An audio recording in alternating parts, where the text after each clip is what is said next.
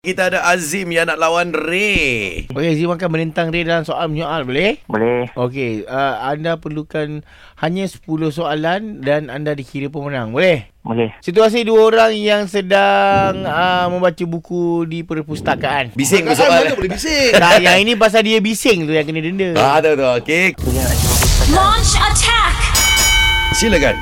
Bila nak pergi perpustakaan? Bila? Dengan siapa? Kat mana? Pukul apa ni? Pergi dengan siapa? Nak pakai baju apa? Baju apa yang kau ada? Nak pakai eh nak baca buku apa? Kenapa kau sasul? Nak duduk kat mana ni? Apa dia? Jom duduk kat tepi ni. Sekejap. Itu, Itu, itu. Itu penyata tu. Okey. Han, dia bagi ayat penyata Han. Aku rasa dia ni macam mm, tak Aku rasa dia terlelap lah.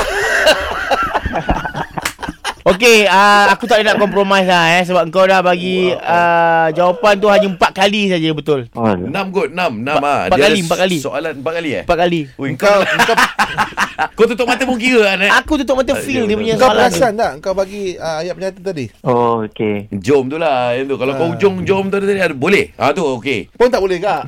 Jom pun tak boleh ni.